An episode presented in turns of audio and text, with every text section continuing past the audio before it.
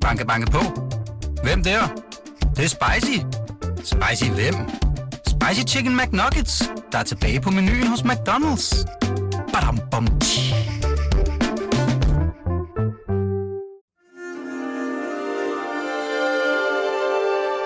Du lytter til Kys Jorden med Claus Meier, en podcast fra Weekendavisen. Turn right onto Kisikavai. Vi skal ind til et, øh, et, et, et landbrugsprojekt, som hedder, jeg tror det hedder Farenløse. Måske hedder det Farenløse Mosteri. Mit navn er Claus Meier. Jeg har arbejdet med mad og bæredygtighed i årvis, og jeg har en vision for fremtidens landbrug og for hvordan vi skal omstille produktionen, så den gavner både smagen og klimaet.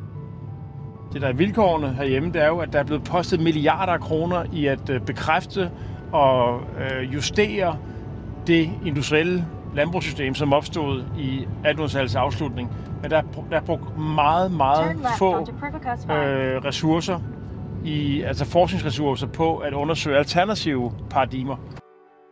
Det forholder sig sådan i dag, at 80% af alle de afgrøder, vi dyrker, bruges til fodring af husdyr.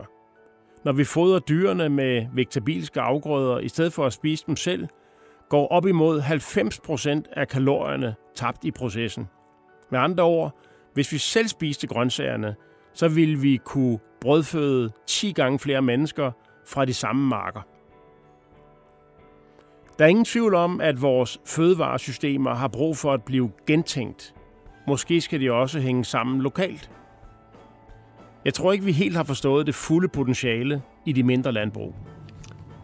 I denne tredje og sidste podcast besøger jeg Sandra Willumsen og producentfællesskabet Farenløse Mosteri syd for Ringsted.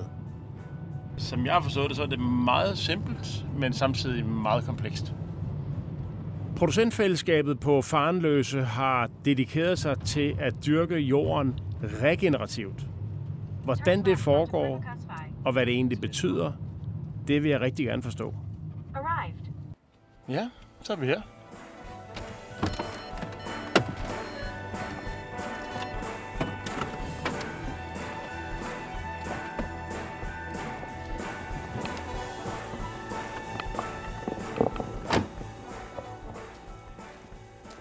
Sandra Willumsen købte det gamle farenløse mosteri i 2015 i fællesskab med otte andre unge mennesker. Hej, er det Sandra? Ja. Og hyggeligt. Tusind tak. Hej. Claus. Sandra, hej. Dejligt, du vil se os. Så hvad, så hvor meget er det her farenløse mosteri, og hvor meget, hvor meget hører til egentlig? Hvor mange af bygningerne her? Hele bygningsmassen der. Så det er ligesom inden for læhegnet. Hækken rundt. Farenløse mosteri består af æbleproduktion, ciderproduktion, dyrehold og grøntsagsproduktion. Gården er ganske lille med 7 hektar jord og 1000 kvadratmeter produktionsbygninger til udlejning. Produktionsfællesskabet består af otte selvstændige virksomheder. Når du prøver at introducere noget nyt i landbrugserhvervet, så er det jo ikke fordi, der er en masse mennesker, der står og klapper i deres hænder. Så først og fremmest så... jeg klappede. Men jeg, jeg, jeg, jeg, Men der er, ikke, der er jo ikke, fordi der er mange. Nej. Øhm, så, så det er jo aldrig en dårlig idé at være flere. Nej. om at kunne øh, råbe op. Eller kunne, øh, om ikke andet, det jeg tror på, det er egentlig ikke, at vi skal stå og råbe op, det er egentlig, at vi skal kunne bevise det med vores hænder, at vi er i stand til at gøre det. Øhm, så praktikken har været helt, øh, helt essentielt for mig, at marken er der, og vi er i gang med jorden, og vi lærer. Men vi er nødt til at være flere om det. Hvis jeg stod herude alene, så tror jeg nok, jeg havde kastet håndklæderingen på et eller andet tidspunkt. Øh, nu har jeg selv grøntsagsproduktionen, Ja. øh, hvor jeg leverer til restauranter. Ikke til Og, lokalområdet overhovedet. Lidt til lokalområdet, men det har primært været øh, til København i første omgang. Det er der, markedet har været nemmest, og det er også noget med ligesom at finde ud af, hvad for nogle udfordringer skal jeg ligesom tage på mig fra starten af, for der var også, det var en, en stejl læringskurve, så der var markedet. Mm-hmm.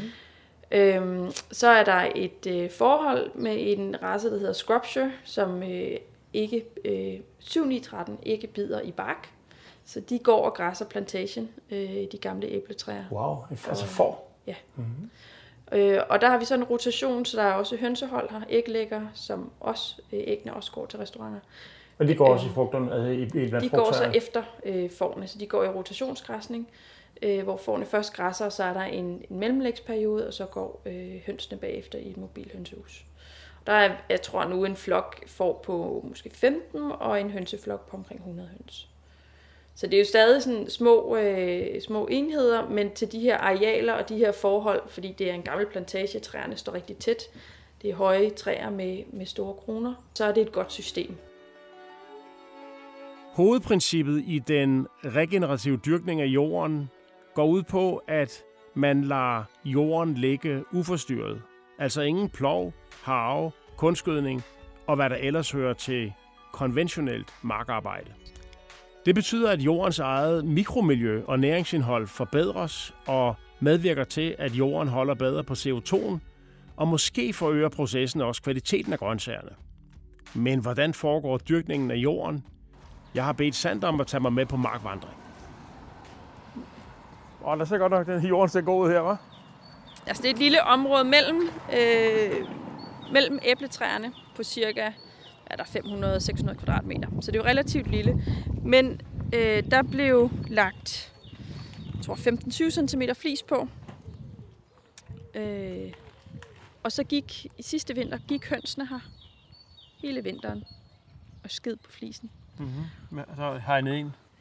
Nu er der så plantet ro i den. Og, øh, men, men der kan man bare se, når, når der er nok, altså når der er rigtig, rigtig god omsætning i det, så bliver det jo en rigtig, rigtig fin jord. Wow, ja. Rigtig dejlig, svampet, masser af fugt. Der er godt jorddække på, så der er heller ikke særlig, der er jo ikke særlig stor fordampning, øh, selvom at det bliver varmere og varmere.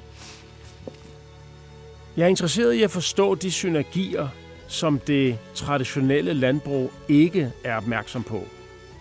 Det fine, intime samspil mellem dyr, planter, mikroorganismer og svampe helt lokalt. når man bruger træflis, som øh, er rigtig, et rigtig godt materiale, hvis du vil have en, en øh, høj forekomst af de, af de gode svampe. Så det her, det her der er bundet CO2 i den her jord, Det er der. Altså, men det var, i en højere grad end i en traditionel landbrugsjord. det er der. Men øh, nu pløjer vi jo ikke den her, men hvis vi nu var en, en lavede det her forsøg, og man var alligevel var man sige, traditionel landmand og gik ud og pløjede den, så vil det kulstof, der er blevet bundet og blevet omsat, det vil bare fisse ud igen. Der er stabile og ustabile måder at binde kulstof på Så i det her jorden. er... Det her det er en, en relativt ustabil hvordan, kulstofbinding hvordan, i kunne, jorden. den- hvordan kunne den blive mere stabil? Den sta- mere stabile binding af kulstof, den bruger du levende planter til. Øh, den, den ustabile, det er den, der sker i din overflade. Okay, skovplant, altså skove, træer. Det er for eksempel, ja, men det kan også bare være en, øh, det kan også bare være en flereårig græsmark. Man skal ikke pløje marken. Du skal ikke pløje marken. Altså hvis du pløjer marken, så det vender det, det fucker det helt op. Øhm, og det kan man også godt forestille sig. Svampene, de har jo en masse lange tråde øh, ude øh, i jorden, som danner øh, hvad kan man sige, jordens internet eller jordens mærsk, altså hele distributionssystemet for, for næringsstoffer og øh, øh, alt, hvad der er brug for nede i jorden til planterne, det, det bliver transporteret rundt øh, ved hjælp af dem. Så hvordan, hvordan, øh, hvordan kan du plante i det her? Altså rugeforsøget, det, er, øh, det kommer op øh, her i foråret, bliver omkring knæhøjde, så bliver det slået ned. Gerne lidt højere end knæhøjde. Så bliver det slået ned øh, af en knivtrumle, og så ligger det som et, et grønt jorddække. 5-10 cm tæppe på Og hele Det stykket. kan du godt plante i. Det kan sagtens Og roen har ikke taget næring fra jorden Eller ikke- hvis den har, så, så kommer den jo tilbage igen med komposten. Ja. Altså med den, den, med den, omsætningen af den. Ja. I og med, at du ikke pløjer, så bringer du heller ikke den pulje af ukrudtsfrø op til overfladen, som vil ligge nede i jorden. Så hvis du, når du ikke pløjer, så, så bliver du ved med at have kan man sige, din ukrudtsfrøpulje nedenunder dine fødder. Og Så du får frugtbar jord som landmand. Øh, du undgår... Altså nu er det her et eksempel. Ja, ja, det er rigtigt. men, at men, forstå det. ja, ja, men, men det, der, det der er konceptet, det er jo, at du har et grønt plantedække øh, hele året rundt. Når du har et grønt plantedække, og du har nogle levende rødder, så har du sammenspillet øh, mellem, at du høster sollyset ved hjælp af de grønne planter. Det bliver omdannet til sukkerstoffer. Sukkerstofferne går ned og fodrer mikrolivet, bakterier, svampe. Øh, der er så nogle næste i fødekæden, som spiser bakterierne, og måske noget af svampene, eller noget af det, svampene har efterladt. Og på den måde har du en omsætning, så planten får maden, fordi at mikrolivet får sukker fra planten, og det planten så får tilbage, det er mikronæringsstoffer og mineraler. Så det vil give kvælstof nok? Ja. Du er ikke nødt Det til er at det, der er teorien, Ja, ja. det er spændende. Så er der, altså, det, det vil du kunne i virkeligheden gøre på hele Sjælland? Ja. Ja, altså, jeg tror også, du vil kunne gøre det i, i Jylland. i Jylland. ja, du, du, gør, du gør det på et større areal. ja, Broen gror til ingen verdensnytte, ikke? Det er i starten. det kan man sige, ja, det gør den. Men altså, ingen verdensnytte for os Ja, som mennesker. Ja. Økonomisk er det penge ud af lommen og frø ud af lommen. Ikke? ja. Men, men, men du vil jo have gavn af det, fordi du altså muligvis sparer alle dine penge på gødning og på din plov og på din måske en ekstra tur med traktoren og så videre. Ikke? ja.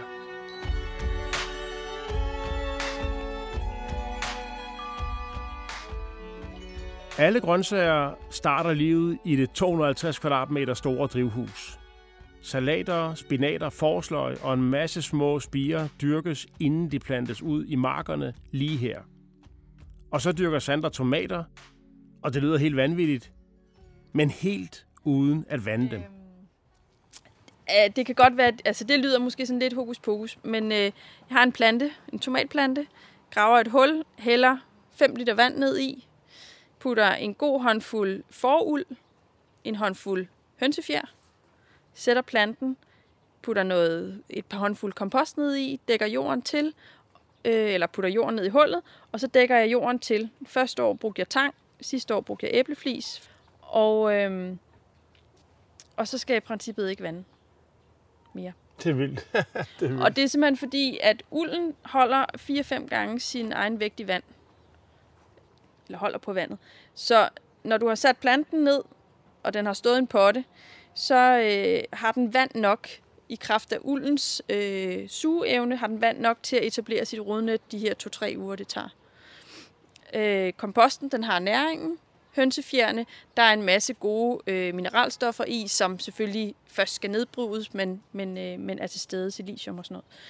Øh, så har du et tykt jorddække, øh, tangen eller flisen, eller hvad du nu har til rådighed, som gør, at der ikke er nogen fordampning fra jorden. Øh, tomatrødder er ret vilde. Hvis man øh, har prøvet at dyrke tomater, så ved man, at tomatplanten er en jungleplante, hvis man ikke tæmmer den. Og det samme med rødderne. Øh, hvis du har øh, det, man normalt bruger i tomatdyrkning, hvis du har øh, øh, drypvanding, så vil tomatplanterne blive rigtig dogne og ligge med deres rødder op i jordoverfladen og vente på, at den næste dråbe kommer. Men når du planter dem i sådan et system her, og de ikke er vant til at blive, øh, blive fodret oppefra, så vil deres øh, meget, meget voldsomme rodnet søge nedad. Og de søger så bare nedad mod de dybere jordlag, hvor de også kan hente rigtig mange mineralstoffer. Så mange år har du gjort det. Det har gjort to år, det bliver tredje år. Og du har aldrig kommet ud til huset og tænkt, uh, Så de ligner nogen, der har brug for, at jeg vander dem. Tør eller hvad med at vande dem? Vi vandede dem to gange sidste år. Men primært fordi jeg kunne se, at de manglede nogle ting. Vi gav dem en lille smule mad, kompost og vand, og den anden gang vi vandede, der gav vi dem, øh, kan ikke huske, om det var kulsukker eller lucerne ekstrakt. Øhm, så, så det har egentlig, men altså to gange på en hel meget. sæson, det er ikke det er meget. ikke meget. Det er virkelig ikke meget. Øh, og øh, en bonus ved det, det er, at øh, de tomater, de smager helt vildt godt.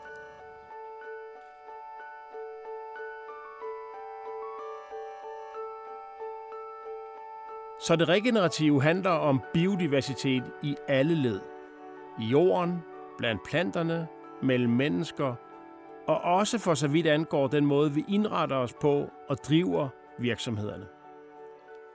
Planen med Farenløse er, at gården skal overgå til en fond, som man styrer udenom det private ejerskabs faldgrupper, som ellers let kommer til at stå i vejen for projektets egentlige regenerative formål. Man kan måske ikke sige, at, at, at det hænger 100% sammen med det regenerative, men vi er nødt til at kigge på, hvordan det er, vi øh, ejer jorden, om vi skal eje jorden, og hvad det er for en forvaltningspraksis, vi har over for den jord, vi er stillet til rådighed i det liv, vi har, hvis vi vælger at arbejde med jorden. Vi er da i hvert fald nødt til at gøre det attraktivt for unge mennesker at træde ind i.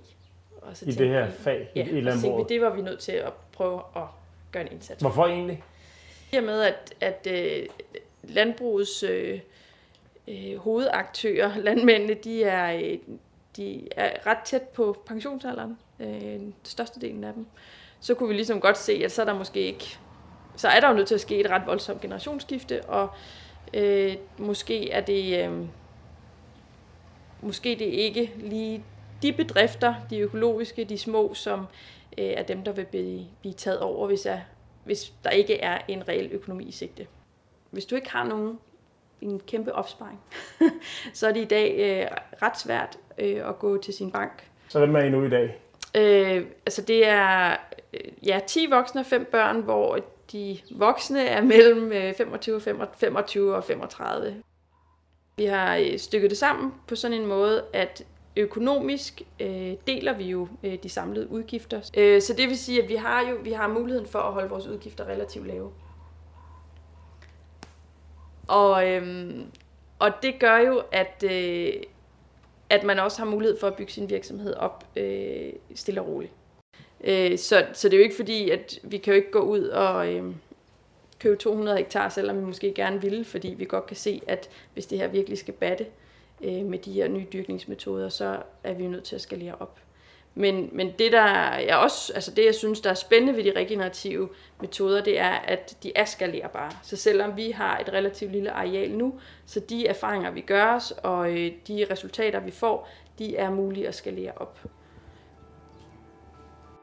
Sandras ambition rækker ud over hendes egen tid og ud over dette sted. For at få den regenerative mission til at vokse, er hun også gået i gang med at iværksætte en jordbrugsuddannelse for at animere en ny generation af unge ambitiøse jordbrugere. en gruppe, en arbejdsgruppe, vi har i den her forening, Regenerativ Jordbrug, der er vi ved at lave øh, øh, hele sådan øh, altså setup'et til en piratuddannelse inden for regenerativ jordbrug. Ej, hvor fint. Øh, og Hvorhenne? det har vi siddet og skrevet lidt øh, frem og tilbage om i dag, fordi vi skal snart til at have det ud i verden. Nu siger jeg det her. Men, Mm-hmm. Øh, det, øh, vi havde egentlig først tænkt, at det skulle være et øh, specifikt sted, og jeg brugte hele sidste sommer på at prøve at finde investor til at købe en gård, som vi kunne, hvor vi kunne lave skolen. Men øh, til sidst så, så kunne jeg bare godt se, at det var alt for mange penge øh, og, øh, at bruge på det. Øhm, så, så vi har egentlig lavet en model, hvor, øh, som er decentral.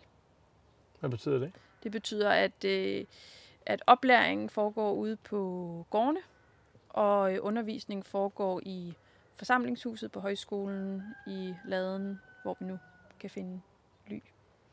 Øh, og så håber vi, at vi kan få fat i øh, den unge generation, der har lyst til at være med til at ændre på landbruget, så det bliver et jordbrug.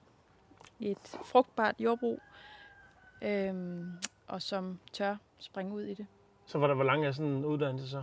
skolegangen er et år, og så øh, er år to er sådan et øh, bundespireår, hvor man har mulighed for at blive på den gård, man har været i lære på, og øh, få en, øh, et ansvarsområde og blive en del af produktionen på lige fod.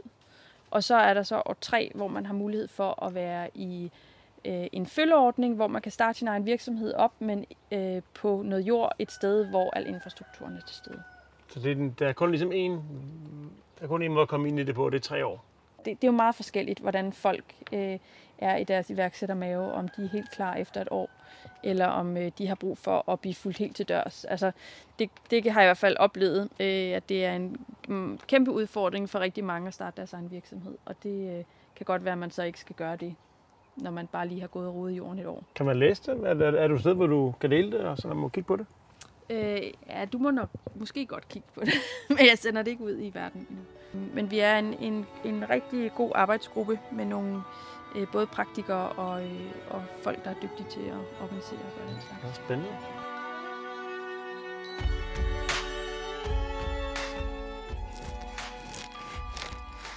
Jeg har taget et hjemmebagt brød og lidt ost med.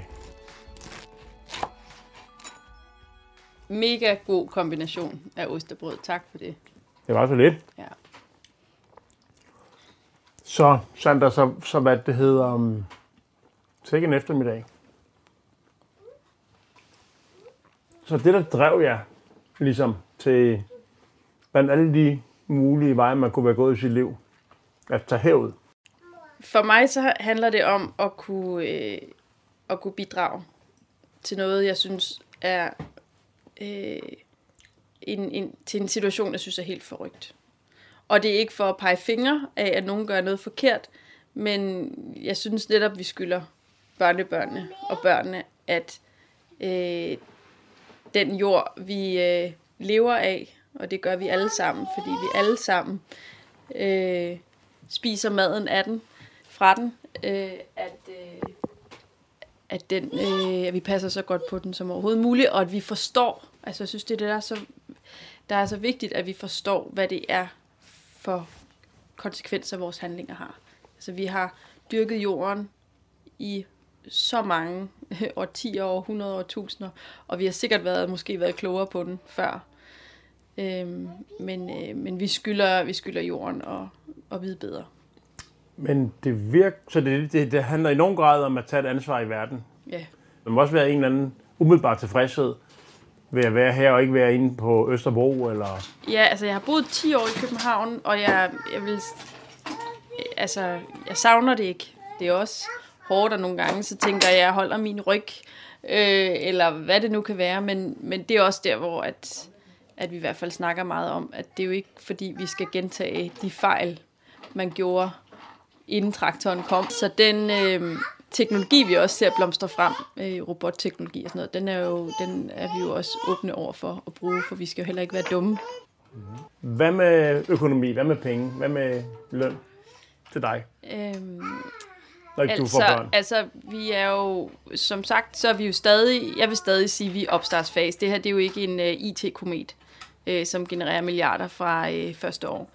Uh, det, det tager tid, og uh, det tager tid at uh, igen opbygge jorden, det tager tid at forstå, uh, hvordan vi gør det rigtigt, og hvordan vi gør det mest effektivt, og det tager tid at opbygge sin kundekreds, og uh, der er også en masse ting, vi er nødt til at gøre om. Og, øhm, så det er ligesom et puslespil. Øh, jeg vil sige, nu er jeg øh, jo så øh, fuldtid i, i gardneriet eller i grøntsagsproduktionen, og det, det kan jeg godt leve af. Det er jo ikke, hvis jeg skulle have fortsat som akademiker, så kunne jeg, så den, den årsløn, jeg får på grøntsagerne, kunne jeg måske have været heldig at tjene på en måned. Det skal jeg ikke, altså, det, det kan jeg lige så godt være ærlig at sige. Men, og det er jo heller ikke fordi, at det nødvendigvis, øh, det er jo ikke noget, jeg ønsker, at det skal blive ved sådan. Men, men jeg er villig til at acceptere, at, at sådan er det at starte op, og så længe jeg kan betale mine regninger. Og øh, altså, heldigvis har vi jo også sat os i en situation, hvor vi har nogle lave omkostninger, og det tror jeg bare er rigtig vigtigt for, at, at, øh, at det er muligt at tage de valg, og muligt at lære på den her måde. Og så er jeg vel øhm. bare sindssygt stolt over, at altså, at det er jo simpelthen et pionerarbejde på hele klodens vegne, I er gang i. Og så selvom man, altså det må også være en kæmpe glæde, tænker jeg bare, at vågne op med den følelse.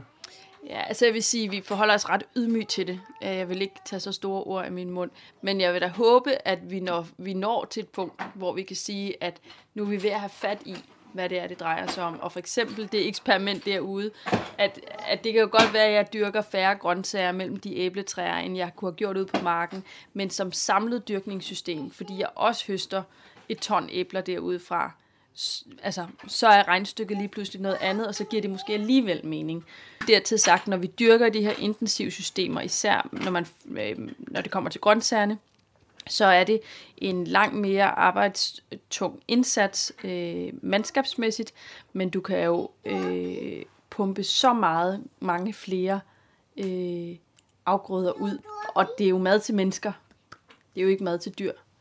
Og på, på meget Øhm, lidt plads. Ja, så, så øh, hvad du normalt kunne, og det er en dårlig, du skal ikke sammenligne de to ting, men, men hvis du dyrker en hektar med korn, kan du måske få 5.000 øh, ud af, af den hektar. Øh, og herude på en hektar med grøntsager, kan du tjene op mod en million på en hektar. Der er så også flere mennesker involveret i det, mm. men det er alligevel en helt anden, et helt andet øh, udbytte, både økonomisk, men også øh, øh, madmæssigt. Kan du forestille dig, at I bliver boende her, I bliver rigtig gamle? når man først ligesom er gået i gang med jorden, så er der også, det lyder lidt sygt at sige, at der er en forbindelse, men man bliver ligesom, det er jo, det er jo min marker. Det er Det, det, det er min kollega. Og det, det samarbejde, det, øh, det er jo også, det, det værdsætter man jo også i høj grad.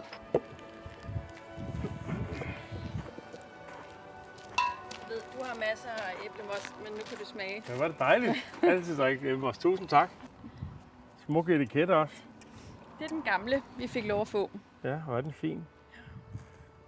Sandra, dejligt at møde dig. I lige måde. Tak for nu. Stemt. Tak for i dag. Held og lykke med det hele.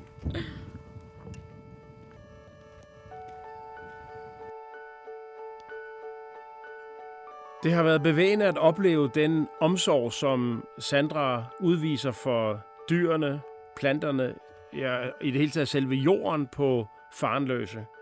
At hun, øh, at hun stiller så beskedende krav til tilværelsen og er parat til at arbejde så hårdt i et helt ukendt terræn i håbet om at kunne finde løsningerne på en af vores civilisations allerstørste udfordringer. Programmet blev tilrettelagt og produceret af Birgit Nissen Pedersen, og jeg hedder Claus Meier.